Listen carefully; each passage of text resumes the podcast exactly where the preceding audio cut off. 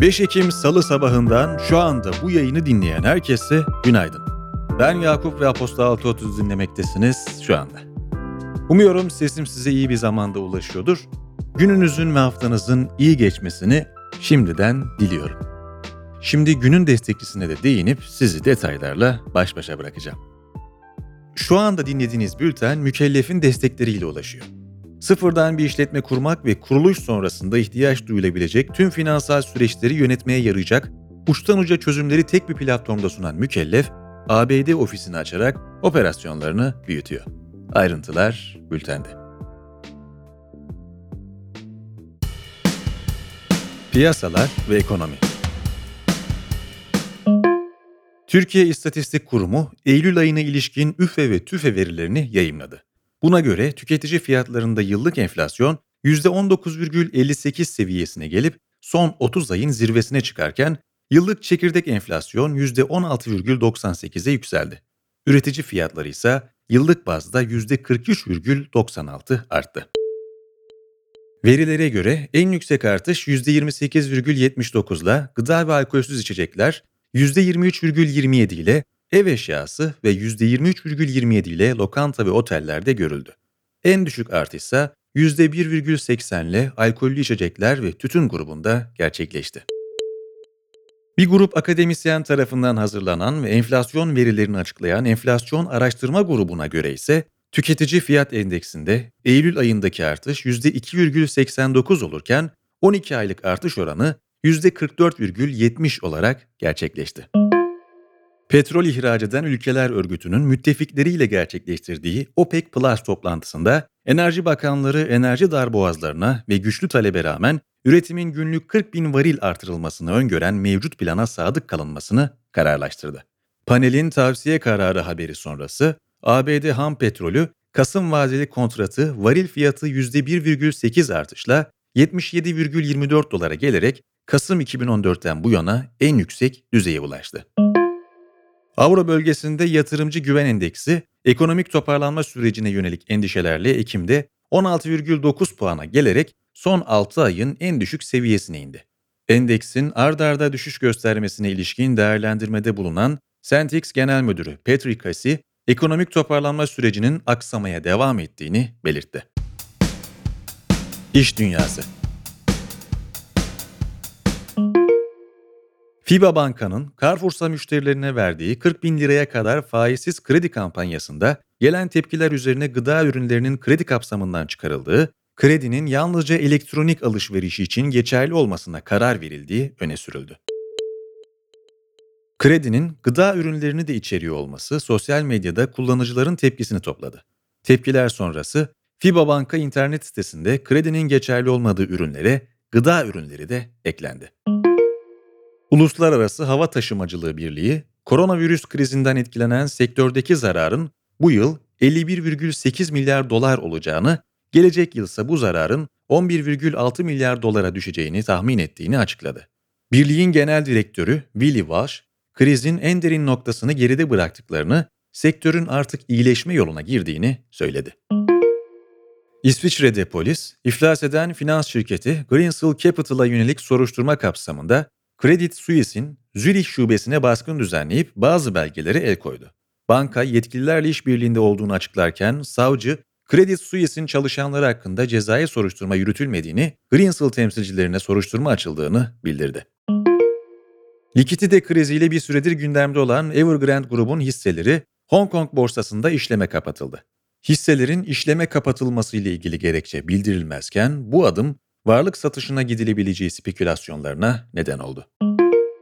McDonald's 2050 yılına kadar et üretiminden mağazalarında kullanılan ışıklandırmaya kadar her alanda küresel sera gazı emisyonlarını net sıfıra indirmeyi hedeflediğini duyurdu.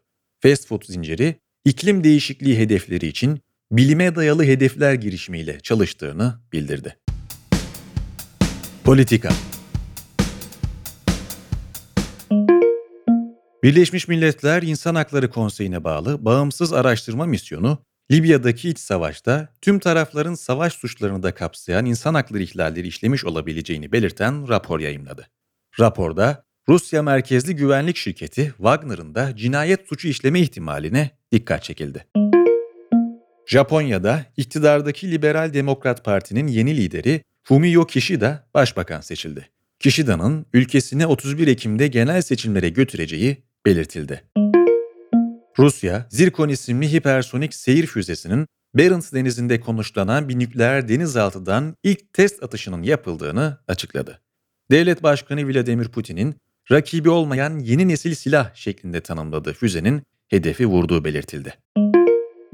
Beyrut Temyiz Mahkemesi, Beyrut limanındaki patlamanın soruşturmasını yürüten yargıç Tarek Bitar'ın soruşturmadan çıkarılmasına yönelik talepleri reddetti. Yunanistan Göç Bakanı Notis Mitarachi, Avrupa Birliği ve Türkiye'nin mültecilere yönelik anlaşmanın koşullarına uyması gerektiğini söyledi. Mitarachi, anlaşmaya her iki tarafta bağlı kalmalıdır ancak AB, Türkiye'ye vizesiz seyahat ve ticaret konusunda uyması gereken taahhütlerde bulunmuştur, dedi. Mitarachi, Türkiye'ye uluslararası koruma altında olmayan mültecileri de ülkeye kabul etmesi çağrısı yaptı. Akdeniz'de Güney Kıbrıs Rum yönetimine ait Nautical Geo isimli araştırma gemisinin pazar günü sabah saatlerinde Türk kıta sahanlığına izinsiz girme teşebbüsünde bulunduğu, Deniz Kuvvetleri Komutanlığı'na bağlı unsurlar tarafından Türk kıta sahanlığının dışına çıkarıldığı belirtildi. Eski HDP eş genel başkanı Selahattin Demirtaş, Diken için yazdığı Umut olmadan yaşanır mı başlıklı yazıda güçlü bir sol blok çağrısı yaptı. Parti, hareket, kişi ayrımı yapmaksızın tüm sol ve sosyalist güçlerin ortak bir mücadele ve tutumu tartışabileceklerini söyleyen Demirtaş, meclise, bürokrasiye ve iktidara olabildiğince nitelikli, birikimli sol emekçi kadroyu taşıyabilmenin temel hedef olması gerektiğini ifade etti. Teknoloji ve Startup Facebook, Instagram ve WhatsApp dün küresel çapta en az 3 saat süren kesintiye uğradı. Facebook sözcüsü Andy Stone, dün 19.07'de problemin farkında olduklarını ve normale dönmesi için çalıştıklarını yazdı. Facebook hisseleri %5,75 düşüş yaşadı. Siber suçlara ilişkin araştırmalarıyla tanınan gazeteci Brian Krebs, Facebook.com ve Instagram.com alan adlarının küresel yönlendirme tablosundan çekildiği bir diğer deyişle ilgili sorguların internet sitelerini bulmasını sağlayan yolların ortadan kalktığını doğruladığını söyledi. Facebook'un iç yazışmalarını Wall Street Journal'a aktaran kişinin şirketin eski çalışanı, veri bilimcisi Francis Haugen olduğu ortaya çıktı. İsmini açıklayıp şirket hakkında açıklamalar yapan Haugen, Facebook'un güvenlik yerine kar elde etmeyi seçtiğini iddia etti. Francis Haugen'ın bugün Senato'da Instagram'ın genç kullanıcılar üzerindeki etkisiyle ilgili ifade vereceğini de hatırlatmış, eklemiş olalım. Eski ABD Başkanı Donald Trump, Florida'daki federal mahkemeden Ocak ayında kapatılan Twitter hesabının geri verilmesinin talep edilmesini istedi. Trump, sosyal medya şirketinin ABD kongre üyelerince hesabını askıya alması için zorlandığını iddia etti. 6 Ocak'ta ABD kongre binasına yapılan saldırının ardından Trump'ın Twitter hesabı şiddete teşvik ettiği gerekçesiyle kapatılmıştı. Spor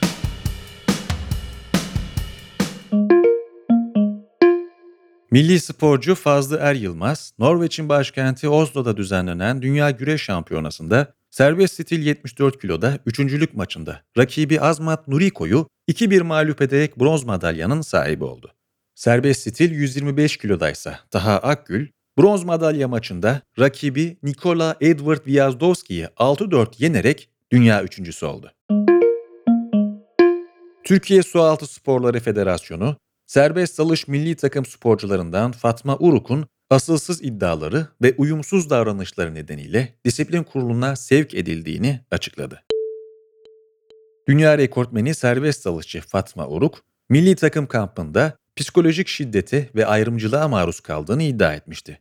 Federasyon Başkanı Profesör Doktor Şahin Özen ise bu krizin şampiyonaya bir gün kala milli takıma yapılan suikast olduğunu belirterek Uruk'un kampta huzursuzluk çıkardığını belirtti. Kylian Mbappe, Paris Saint Germain'den ayrılmak istediğini ilk kez resmen duyurdu. Geçtiğimiz yaz transfer döneminde Real Madrid'e olan transferi yılan hikayesine dönen Mbappe, RMC Spor'a verdiği röportajda kulübün kendisine çok şey kattığını, Burada 4 güzel yıl geçirdiğini ancak kulübe para kazandırmak için ayrılmak istediğini açıkladı.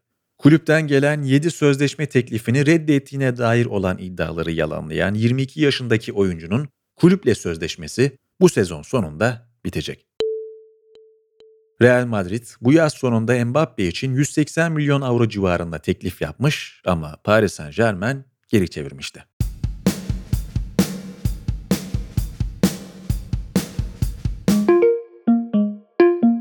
Günün hikayesinin konusu Pandora Papers. Pandora Papers, tarihin en büyük offshore veri sızıntısı başlığıyla sizlere ulaşan yazıda konunun detayları yer alıyor.